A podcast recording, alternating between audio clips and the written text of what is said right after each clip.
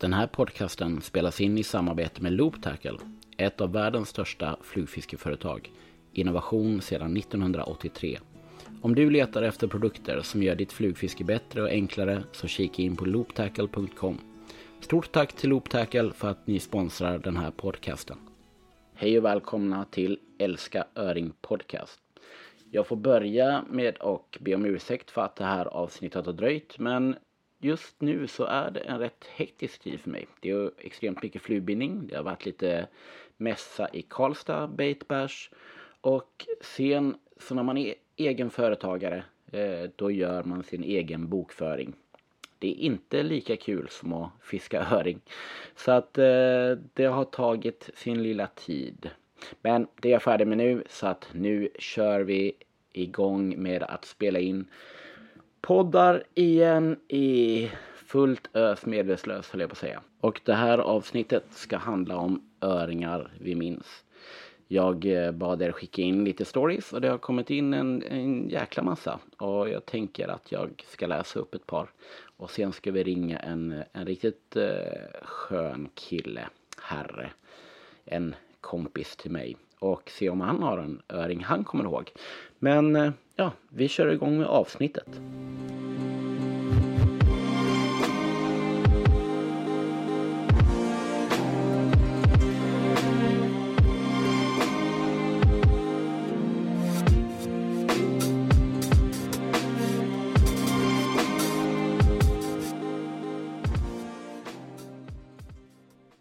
Ja, fiskar vi minns. Jag tror vi alla, eller jag är 110% säker på att vi alla har fiskar vi minns. Oavsett vilka arter vi fiskar kanske, men det här programmet handlar ju om öringar. Så att eh, jag bad er skicka in om eh, öringar vi minns. Och det är många som har skickat in, riktigt kul. Eh, min plan är att, att jag ska läsa upp ett par stycken av dem i alla fall. Och såklart dela med mig av några av mina egna öringar som jag kommer ihåg. Eller som jag minns lite extra. Och det, det kan ju vara så här att det kan ju vara den första öringen man får. Det kan vara den största öringen man får. Kanske den man tappar. Eller den som någon annan fick. Det, det är så olika beroende på vilka minnen man har. Eh, just när det gäller olika fiskar. För att det kan ju vara att det, det har etsat fast sig i minnet, i huvudet på ett speciellt sätt. Även om, om det kanske inte slutade lyckligt för just dig. Så kanske det gjorde det för någon annan eller så, ja, så blev det någonting som du bara, åh, Gistanäs, det där, det där var eh, min livsfisk. Och det är eh, faktiskt ett av de minnena som jag tänkte dela med mig av. Jag eh, har fiskat öring på, på många olika platser och eh, sen jag var 15 år gammal så drömde jag om att få åka till Kolhalvön och eh, fiska de här stora öringarna i det här vilda landskapet. Så för ett par år sedan, eh, 2019 har jag för mig att det var, då, då eh, blev det bestämt. Nu ska jag åka till Kolhalvön och, och fiska öring. Och det var ju, ja, det var en upplevelse i sig just med, med resandet dit och, och sen vara på plats i den här karga eh, miljön, tundran liksom. Eh, men öringfisket var otroligt bra. Det, vi hade dåligt väder och eh, det var mycket streamerfiske. Fick jättemånga fina fiskar. Eh, men sen en dag så, så var vi och fiskade på eh, en annan sträcka och det var en fin dag. Det var lite varmare, vindstilla och det, det kläckte rätt mycket och, och um, vi hade fisk som åt från ytan. Och jag eh, hade fiskat mig, eller vi hade vandrat långt upp och sen skulle fiska oss hemåt då.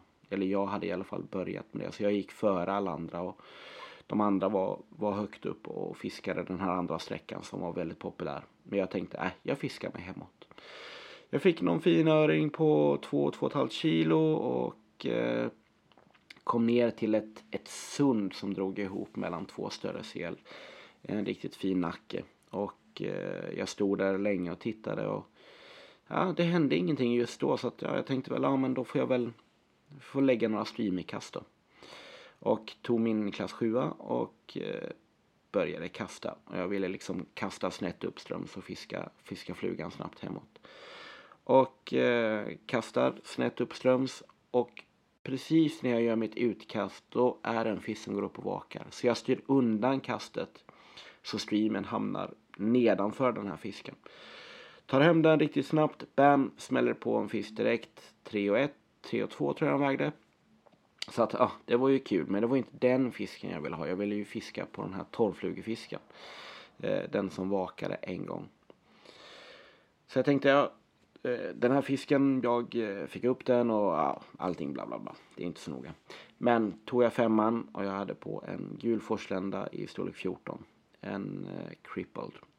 En av mina favoritflugor. Eh, en, en. Men jag tänkte okej, okay, mm, ge den 10 minuter, inga mer vak. Ja, men jag, jag lägger ett kast ändå. Och lägger ett kast ungefär där jag tror att fisken var. Lite upp, uppströms såklart. Eh, flugan glider, glider, glider. Ingenting händer där jag tror att det ska hända. Och sen nästan precis innan jag ska ta upp eh, flugan och göra omkastet. Då är det ett litet pyttevak. Den går upp och bara sakta tar den här flugan mothugg och jag känner det. Åh, gud vilken tyngd. Det här är ju ett monster alltså. Jag kan ju inte göra någonting. Och när man krokar på en sån här stor fisk då, jag, jag börjar prata för mig själv, i alla fall om jag är själv då såklart. Annars pratar jag med, med min Finns en kompis. Men jag börjar prata för mig själv och säga åh snälla jag måste få upp den här och jag gör vad som helst typ eh, och börjar be till fiskegudarna. Och jag tänker, eh, jag måste sätta lite press på den. Alltså jag måste ändå försöka få in den. Och ja, jag är rätt så säker. Jag har liksom 0,18 i spetsen. Eh, 0,20 kanske. Nej, 0,18 har jag. Och det, det klarar man dra upp stor fisk med liksom. Och jag börjar liksom låsa rullen och eh, med ena handen och pressar den här fisken inåt. Och den kommer upp mot mig. Den är inte mer än en två och en halv meter ifrån mig. Och i det här kristallklara vattnet så ser jag det här är en gigant. Ehm, det här är den största öringen som, som jag har sett sådär på nära håll. Eh, jag skulle säga någonstans mellan 6,5 och 7 kilo. Och eh, ja, hjärtat börjar dunka ännu snabbare. Nerverna är ja, på, på kant kan man säga. Och jag börjar prata med. Snälla, snälla, jag måste få upp den här fisken. Det här är min dröm. Det här är min livsfisk. Och det, det liksom, jag kan inte göra någonting. Det, den, den bara går där och, och trycker liksom. Ehm, och till slut igen så, jag, så tänker jag, jag måste försöka pressa in den. Och eh, jag försöker igen, pressa den mot mig och då gör den bara några tunga knyck, dunk, dunk. Och allting, det blir bara helt, helt stilla. Och eh, jag ser flugan kvar så jag tar upp och tittar. Ja, då, då är kroken såklart böjd. Mm, så det var det som hände. Och jag som var så otroligt typ stressad av den här situationen. Nerverna på, var på högsta, högsta. Och, eh, jag stod där och liksom, det var min, min största önskan att, att kunna få hålla den här fisken. Jag eh, fäller ett par tårar. Jag gråter över en öring faktiskt. Så att, eh, ja. Men en fisk är en fisk. Jag är otroligt glad att jag fick den att ta. Jag är otroligt glad att jag kunde drilla den. Men, men det är verkligen ett av mina starkaste minnen när jag grät över en öring. Ja, otroligt. Mm, nej, det var fantastiskt att bara få, få känna och se en sån fisk. Men att liksom få upp en sån fisk med klass 5 och, och mm, ja, det, det mm, du kan liksom inte sätta den pressen som, som man behöver göra på en sån stor fisk. Det är ju en, ett monster. Det går, absolut, det går. Men eh, ja, det här är vilda, starka, feta öringar i, i ett land för länge sedan. Så att eh, ja, det var verkligen ett, ett eh, otroligt minne för min del. Ja, det var ett av mina minnen. Jag tänker att eh, vi ska läsa upp ett minne som eh, en kille som heter Jonathan Eriksson som har skickat in det. Och eh, det här är faktiskt från mina trakter så att eh, jag ska för, försöka läsa upp det med lite, lite inspirations... eller vad man säger, lite inspirerat eh, ton kan man säga. Så här skriver han. Kommer så väl ihåg det. Var en riktig färsking och nybörjare på detta med flugfiske. Hade bara stått hemma och kastat på gräsmattan och skulle upp och fiska i Åre i Brattland med farsan. Väl på plats, fick massa trassel på linan, satte flugan i träden bakom mig. Stod och svor, blev förbannad och skulle ju såklart aldrig mer hålla på med detta. Sen kom det en liten kläckning av nattsländer. Så på med en oliv, E12. Farsan hjälpte mig att knyta på den och jag fick till ett riktigt kanonkast. 6-10 sekunder senare så smack satt en öring på 6-7 hekto. Min absolut första fisk på fluga och till och med en öring och sen var man fast. Ja, tack för den storyn Jonathan. Jag förstår eh, dig totalt. Är, man ska vara glad om man får en sån fin fisk som, som sin första fisk också dessutom och på torrfluga.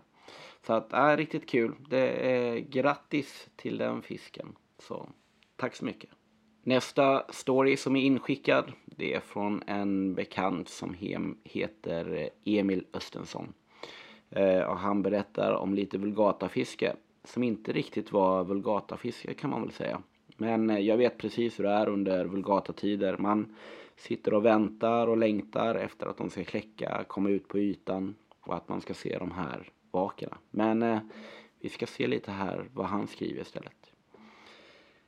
Vulgata tider på hemmaplan. En blåsig dag resulterar i att jag och min gode vän väljer att fokusera på streamerfisket i väntan på kvällen. Med förhoppningar på ett spinnefall på blank vattenyta. Fisket är riktigt hett trots blåst och strålande sol över sjön. Min vän kan summera två riktigt fina öringar på 1,9 kilo och en tredje på cirka 1,2 på streamer när kvällen börjar närma sig. För min egen del har det gått trögt efter flertalet timmar i flytringen. Pannbenfiske utan resultat helt enkelt. Det börjar äntligen skymna och jag smyger in mot sjöns mörkaste parti. Precis där mör träden mörklägger en udde. Jag kastar mot en vasskant och efter några hemtag pausar jag min Rusty Conference. För övrigt en, en otroligt bra fluga. Det är min inflikning. Eh, vi fortsätter. Hugget är brutalt och det känns som att flugan sugs in i en dammsugare. En rejäl öring, uppskattar den till 3 plus, hoppar en meter upp i luften. En ordentlig fight uppstår och den hoppar ytterligare en gång. Till sist har jag kontroll och kan med ordentlig press börja styra in fisken. Öringen glider sådär perfekt över hoven och jag ska bara lyfta och säkra ett nytt personbästa. Öringen spänner sig en sista gång i samma sekund som jag lyfter och med halva öringen över hoven kan jag se hur öringen hoppar till, landar mellan simfötterna och simmar åter mot friheten medan flugan retfullt hänger fritt mellan mina ben. Ett välvalt könsord ekar över sjön och jag ser min vän hålla på att klia sig över kepsen och uttrycker i all välmening. Fan då, den var stor. Som en klen tröst kommer ändå spinnerfallet till slut. Jag kan knipa en fin röding på torrt innan nationaldagen är över. Grymt! Jag förstår precis hur det kan vara. Det var som jag nämnde i början där med att tappa, tappa sin personbästa. Det är... Ehm, man pratar för sig själv och man säger eh, många fula ord alltså. Det är... Ehm, ja, man, man är ju en passionerad eh, flugfiskare kan man säga, eller en öringfiskare, en öringälskare. Så att just det här med att, att just få kroka på och, och få känna och se. Jag tror det är nästan det värsta när man får se fisken. För annars blir det sådär att, att man kan kroka på en fisk och man bara oj den här är stor, den här är stor. Och sen så kanske man ser fisken och säger nej den var inte så stor men den var väldigt stark. Uh, och det, det har ju hänt fler än en gång också liksom. Jag uh, felkrokade en, en fin fisk för ja, på torrt för ett par år sedan. Och den drog en 70-80 meter ner över den här snabba strömmen. Och jag tänkte det här är en 4 kilos. Eh, väl på plats, ja, en bit nedström så, så kunde jag se att nej, det här var bara en, en liten fisk som var felkrokad. De blir så otroligt starka då. Så det har hänt mer än en gång. Men jag tänker så här. Vi eh, ringer upp en sköning. Vi ska ringa upp Karl Önning, en av mina bättre vänner. Så ser vi vad han har för gött minne att dela med sig av.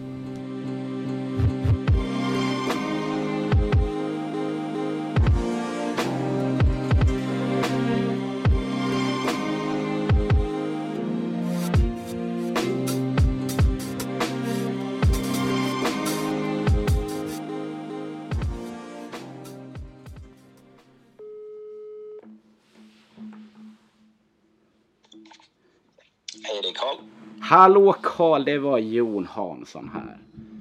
Ja, men hallå Jon Hansson. Hur är läget? Hallå. Jo, men det är fint, det är fint. Jag har inte klaga. Solen eh, är uppe längre och längre för var dag som går. Så att eh, man börjar ju se ljuset i tunneln. Ja. Ja, ja. Ja men fan vad gött alltså. Jo men eh, jag håller med. Det, är, eh, det går mot rätta tider. Alltså man alltid så här med med vintern så är man alltid så här orolig. Bara, vad fan, det, hur, långt, hur långt ska det här hålla på? Men nu ser man ju ändå ljuset i tunneln liksom. Ja, men precis. Jo, men den försvinner ju alltid någon gång. Kan man ju försöka tänka, men det är svårt när man är i det. Precis, precis. Nej men jag ringer, ju, jag ringer ju dig av eh, en helt annan anledning. Eh, jag håller ju på att spela in ett, ett poddavsnitt med minnesvärda öringar, eller öringar vi minns. Och jag tänkte Ja. väl kolla om du har någon, någon god öring som du kommer ihåg? Eh, absolut, absolut. Ja, även om vi har alldeles för många öringar man kan komma ihåg. Men, men en speciell, jag har ju bett dig tänka ut en riktig, en riktig, ja, en riktig minnesfisk så att eh, kör på. Exakt. Ja, nej, men det var, det var lurigt att bestämma sig för det är ändå... Det, det finns så många sätt som de är minnesvärda på. Liksom, så så att, äh, det, det var skitsvårt. Men kom väl fram till att det ändå fick lov att bli eh, min havsöring från Emån här under hösten. Eh, Som... Eh, ja, min, min hittills största öring jag har fångat också. Så att, eh, eh, äh, stjärnorna stod rätt och det var väl... Ja, det, när jag tände pannlampan kan jag säga, då, då började ju eh, börjar man ju bli knäsvag. Liksom. Så att, eh, det, var, det var länge sedan den känslan infann sig också så det var kanske ganska glasklart att det, det var den fisken det skulle bli, så att säga. Ja, ja. Men, ja, men eh, eh, ja, precis. Det är ju som sagt, jag vet ju, jag har varit med när du har tagit rätt många stora fiskar. Eh, ett par, par PBn, eller som har varit PBn i alla fall. Men sen eh, har du ju förbättrat dem lite, lite då och då också. Så att det är kul. Ja, ja men precis. Absolut. Nej, men det, de hoppas man ju på att shape upp eh, lite titt som tätt givetvis. Men det börjar bli svårare och svårare kanske. Nej, men det var så. Eh, jag var fiska höstfiske på i, i, i Emån eh, i början av september. Eh, bra vattenstånd, rätt så bra temperatur i vattnet egentligen eh, för den tiden. Ändå rätt varmt. Eh, men, eh, och en del fisk, fisk uppe i, i ån också. Men Emån på så sätt, det är ju ja, det är sjukt smarta öringar alltså. Så att eh, de är ju, oavsett om stjärnorna står rätt så är de ju otroligt svåra. Vilket gjorde att den också blev väldigt minnesvärd av den anledningen sen också då. Men, eh, eh ja, men det togs väl inte så mycket. Kvällen innan där togs väl ingen, ingen öring. Eh, sen då dag två som jag var där då så de är ju, ska sägas, upp och visa sig eh, lite titt som tätt också. Då blir man ju också helt ja, starstruck kan man säga när man Ja. ser en del av de fiskarna. Eh, det, ja, ett, ett antal världsrekord, eh, tidigare världsrekord på havsöring är ju tagna i den älven och generna finns ju kvar så att säga. Så att man har sett några riktigt måttiga fiskar. Jo, det, man har ju varit med om det på vandringsöring också. Eh, Ja, ja. Just, Man blir det, typ rädd. Ja, alltså det blir ju så då. Man, man, eh, man, man vet ju typ så här, vad fan ska jag göra om jag krokar på det här djuret? Ja, nej men eh, fortsätt, fortsätt. Eh, ja, nej men så att eh, dagen, dagen flöt väl på sekt liksom så. Eh, de ville väl inte ha mina nymfer direkt. Eller Anna. Jag bjöd på. Eh, så att det var liksom vänta in kvällen och eh, typiska liksom, ja men nattfisket efter mörkrets infall liksom. Sen får man inte fiska mer än till 12 i och för sig där. Så att man kan inte köra på hela natten. Men eh, eh, ja men det var, det var väl eh, ja vad ska man säga? En stjärn, stjärnklar en klar, klar kväll med eh, eh fåtalet moln som drog in lite ibland. Så att jag kom ju ner till en, en pool där eh, som jag visste ja, en legendarisk pool som jag visste eh, hade vilat åtminstone en liten stund från föregående fiskare. Eh, så väntade väl in ett... Såg att det kom liksom en moln, molnbälte. Väntade in det så att eh, fullmånen där skulle dölja sig lite bakom molnen. Knöt på en fluga som eh, jag trodde att ja, men det här har de ju inte sett, åtminstone ikväll. Eh, börjar fiska mig igenom, förlänger kasten och liksom försöker lägga rätt så långa kast men eh, i vad ska vi säga, snäv vinkel. Fast det, ja, inte speciellt vinklad om man ser nedströms då, utan långa kast för att verkligen hänga ner eh, framför några stenar som ligger där. Eh, och sen drar det till utav bara helvete i, i bäckmörkret och eh, ja, resten är nästan historia. Nej, men eh, eh, skämt åsido. Eh, ja, det är ju min, det bästa känslan jag vet alltså. I, i mörkret när det bara sinnen är på helspänn och eh, eh, ja, det, blir, det blir förstärkt hugget liksom som kan vara rätt brutalt ändå. Mm. Så att eh, ja, fruktansvärt roligt. Så att jag, man kände ju direkt att bara yes, Eh, det här är en öring. Eh, och fighta på den en liten stund, tänder min pannlampa, ser först ingenting, får upp den då till ytan och ser att bara, åh herre jävlar, det här är en jävligt bra fisk. Eh, ja, då, då vart jag ju knäsvag på riktigt för att just ja, men ema, öringarna är rätt så eh, legendar. Man, man bör väl ha fångat den kanske, men eh, eh, fightar in den. Det går väl rätt så bra. Eh, har ett lätt switchspö så att jag har inte så jättemycket att säga emot när den gör som den vill. Liksom. Så, eh, men får in den och eh, ja, beachar den kan man säga då. Jag hade ingen möjlighet att hova den på så sätt. Stod bra till. Så att, eh, och liksom greppar tag runt den där stjärtspolen som man knappt får runt handen och ser den grövsta öring jag har hållit i. Det var... Nej, det är någonting jag aldrig, aldrig kommer glömma. Så att, eh, det är nästan så att hela, hela scenen kan, kan spela upp i skallen. Liksom så. Mm. Jävligt mäktigt. Ser fram emot nästa gång. Ja, precis. Nej, men det är ju... Jag vet ju att du har varit här ett par gånger och slitit, slitit räv, så då blir man ju också så här... Alltså en sån fisk blir ju verkligen en belöning. Liksom. Det är ju, jag skulle ändå säga, okej, vi är duktiga på att fiska, vi har fått många stora fiskar och, och... Men det är ju det här, när man verkligen har lagt ner mycket tid och får en, Ja, en sån ja, fisk. ja. Det är ju då man känner att fy fan, det här... Nu har jag äntligen liksom jag vet inte, gjort rätt på något sätt. Eller ja, stjärn, stjärnorna stod rätt till liksom. På ett eller annat sätt. Ja, men ex, exakt. Men sen, ja. Nej, men precis, precis så. Sen liksom de... Ja, den, den var jävligt betydelsefull. Sen är det just det här när man blandar in... Eh, blandar in det med liksom att man har haft en liksom tanke innan. Inte bara så här, gå på gnugget typ så, utan bara ja, men jag ska göra så här där. Och sen när man får, får, får det går precis som man typ hade föreställt sig, då blir det liksom ja, nästan en nivå till liksom så. så att, eh, nej, jävligt kul fisk. Ja, vad, Men, eh, eh, vad eh, vill du berätta hur stor den var då? Ja, men det, det kan jag absolut göra.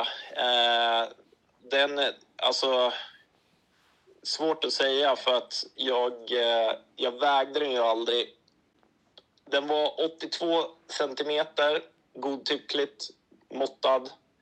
Grov som jag vet inte vad, så att... Eh, eh, stor, absolut. Men en sån, vad är de, typ runt 6,5 kilo eller någonting? Eller? Ja, den är närmare, den är, när, den är nog, den är närmare 7 än 6,5 kilo. Okej, Eh, den, ja. den, Jo, de Den, har eh, ju, den- de höstöringarna i Emån ser ju fan mig ut som rugbybollar alltså. ja, men det, de är något annat alltså. Det är verkligen det är, ja, maskiner alltså. Så att... Eh, eh, nej, kul fisk. Ja, jag Men förstår jag verkligen. det ska ha flera. Ja, jo det är ju... Det är ju någonting, alltså det är jättekul att ta stor fisk på torrfluga. Det är helt fantastiskt och det är kul att ta dem på vadfiske med streamers. Men just det här swing, swinghugget. Alltså även om det är en fisk på två eller tre eller fyra eller fem kilo. Alltså just det, alltså just ett, ett hugg på swing. Det är ju någonting som gör att man får en litet ryck i baguetten alltså. ja, men så är det verkligen. Alltså, den, är, den är svår att... Eh, den är svår att slå i och med att flugan kommer med lite fart liksom bort från... Ja, är, den rycker ju, fisken rycker den ju åt andra hållet, flugan, så det blir så jäkla eh, hårda hugg liksom. Så, så det, nej. Det är ju, alltså just swing, swinghugget kan man ju beskriva som att Alltså en torrfluga, torrflugehugg, ja men då reser du spöet och har kontakt med fisken och sen känner du bara så här, ja men det är en bra fisk. Samma sak om du vadfiskar och kastar streamers eller sådär. Så är det också så här, du håller, du liksom krokar fast ha, alltså fisken i ett hemtag. Och så bara okej men det är en bra fisk. Men just swinghugget då är det så här, du känner här först lilla suget som att du typ går fast i någonting. Och sen när fisken märker det där, då bara dunk, dunk, dunk, dunk, dunk. Ja, Ja, det men exakt, exakt. Det är så Ja, jävla coolt. Ja men Tvärstopp och bara dunka. precis. Nej, exakt. Ja men fan vad gött Karl. Eh, stort tack för samtalet. Eh, vi hörs på ett eller annat sätt eh, snart igen. Ja, men det gör vi. Det gör vi. Ja. Tack. Ha det Ha det fint. bra. Tja. Hej. Tja. Alltid lika kul att få snacka lite med Karl Önning. Även om vi som sagt vi delar sjukt många minnen tillsammans i och med att vi har fiskat tillsammans i, i ja, många, många, många, många, många, många, många, många, många, många, många gånger. Och fler kommer det bli. ja. Nej men jag tänker så här. vi tar en story till. Det här är från en herre som heter Mattias Elfström Andersson. Och han skriver så här. Rubrik. Öringen som inte borde ha varit där. Jag är idag 34 år och har tack vare ett flexibelt arbete och en förstående familj möjlighet att fiska lite var och när jag vill. Detta har gett mig möjligheten att stifta bekantskap med otaliga fantastiska vatten och dess prickiga invånare. Omtalade älvar, magiska åar och ensliga skogstjärnar har lockat mig att färdas kors och tvärs över vårt avlånga land i jakten på drömöringen. Men när jag tänker efter så är det inte under någon av dessa turer som skapat det starkaste minnet. Öringen som fortfarande hemsöker mina drömmar simmade inte i en klar fjälljork, inte heller i någon erkänd öringälv eller något stilla vatten med iögonfallande omgivningar. För att förstå kontexten så behöver vi backa tillbaks nästan 20 år i tiden. Jag, nyligen 15 år fyllda, var på väg hem från en alldeles för sen kväll tillsammans med vänner, mopeder och folköl. Svärandes över att kompisen fick gå hem med den där tjejen som mitt tonårshjärta slog lite extra för. Vandrade den dryga kilometern hem. Med några få hundra meter kvar till hemmet så passerade jag bäcken, som vi lokalbor kallar den. Bäcken är egentligen ett kontrollerat biflöde där det tidigare flottats timmer förbi kraftverksdammen som byggdes på 50-talet. Jag spanade snabbt ner i vattenmassorna under bilbron och konstaterade att en av braxarna som lekte i bäcken tidigare under våren hade bestämt sig för att stanna kvar. Efter ytterligare några steg började flera frågor formuleras i mitt huvud. Var inte den där braxen väldigt lång?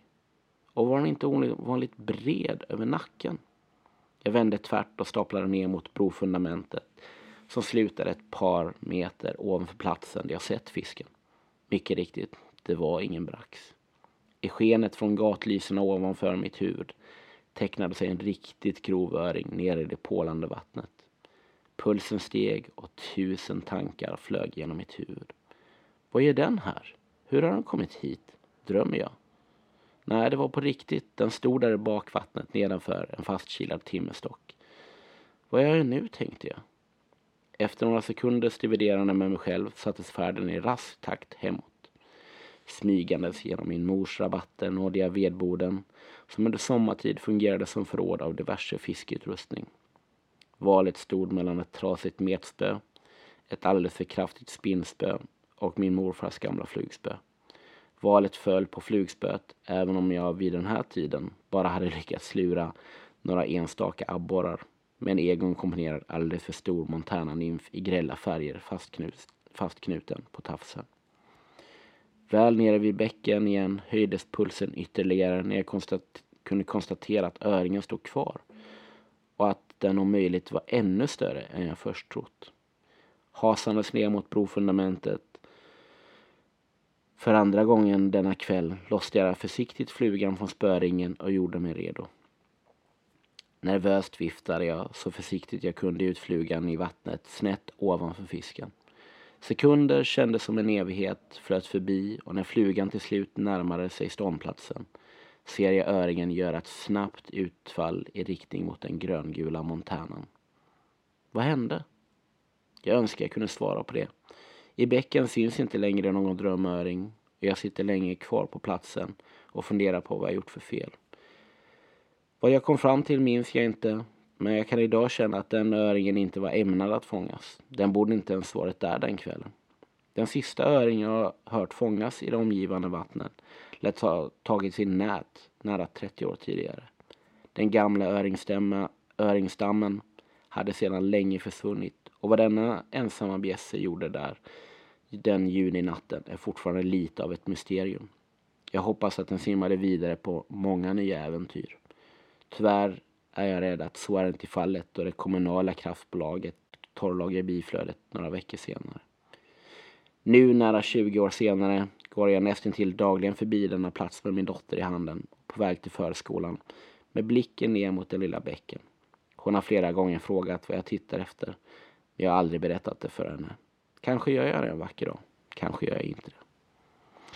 Stort tack Mattias. Det där var en story. Och jag förstår dig till punkt och pricka. Jag tror att många av oss har upplevt lite samma grej. Att, att vi har hittat en gigantisk fisk, en öring, på, på en plats där den, ja, den kanske inte skulle vara där. Eh, jag har fiskat i, i samma liknande vatten, eh, gamla åfåror som egentligen bara är fyllda med elritser och löja och mört. Men eh, ja, där har jag faktiskt tagit några av mina större öringar av någon konstig anledning. De borde inte vara där men de, de är fortfarande kvar.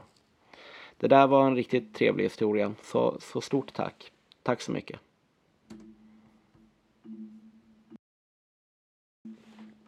Ja, riktigt många roliga historier och trevliga och spännande och eh, ja, intressanta historier helt enkelt.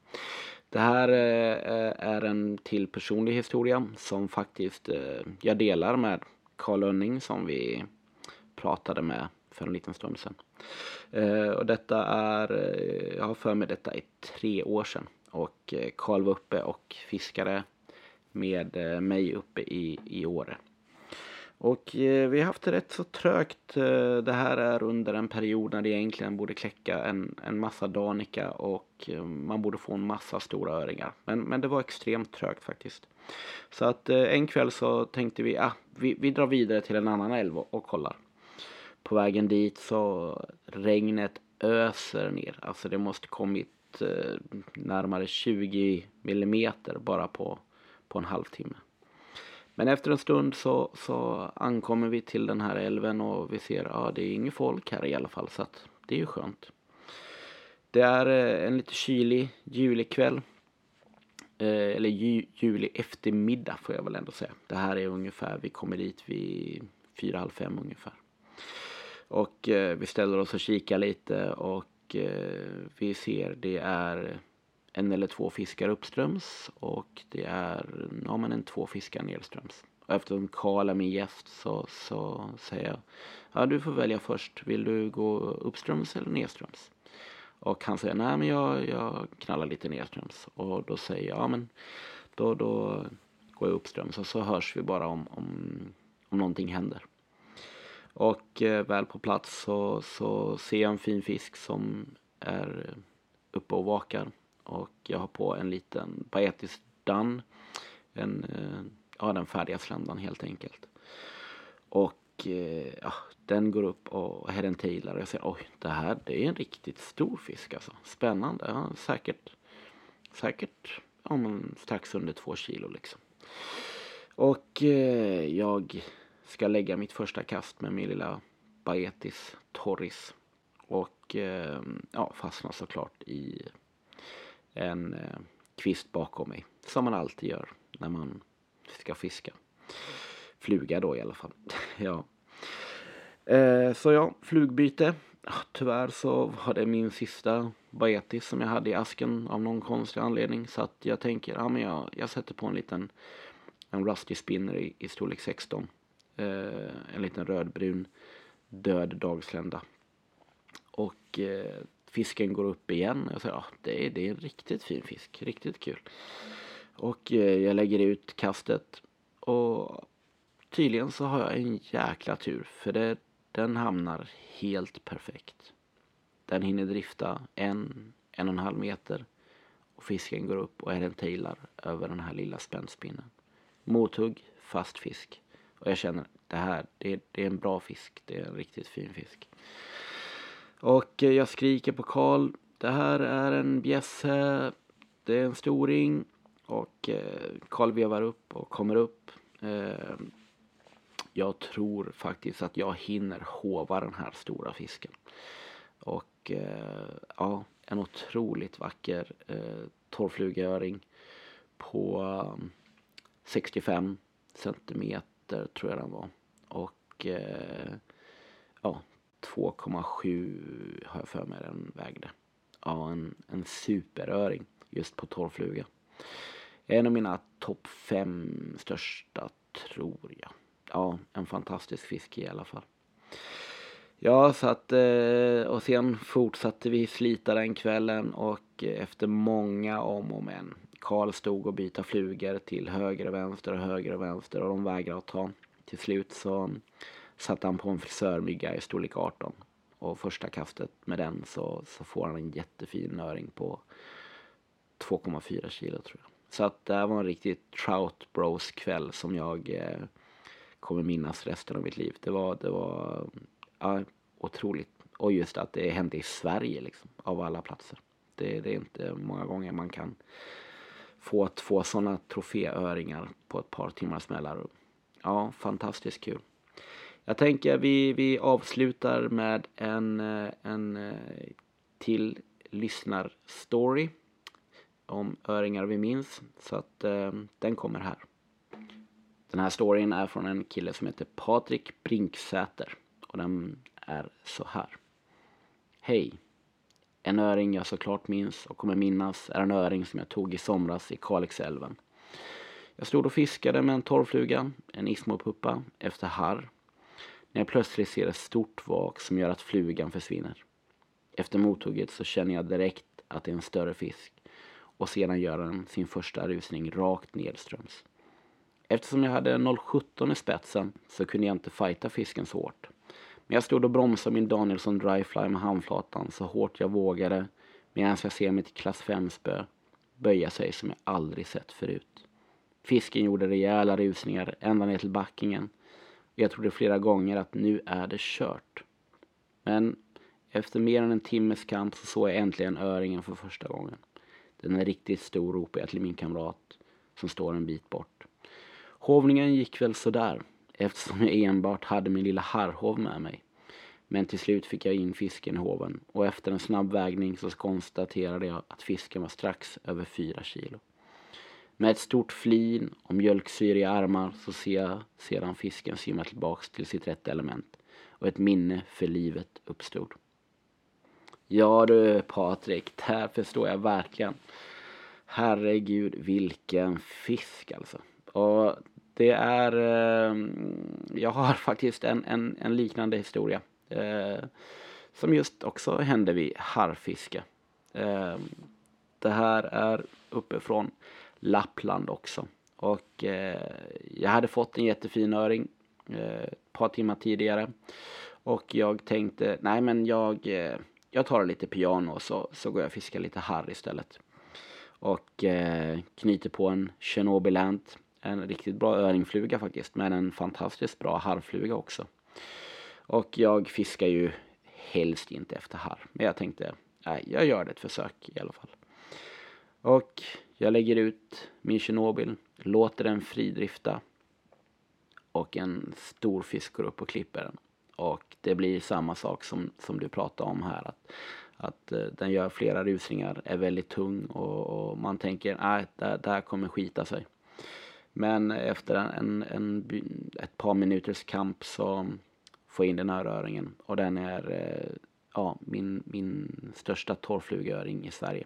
En, en herrejösses helt enkelt. 3,9 vägde den.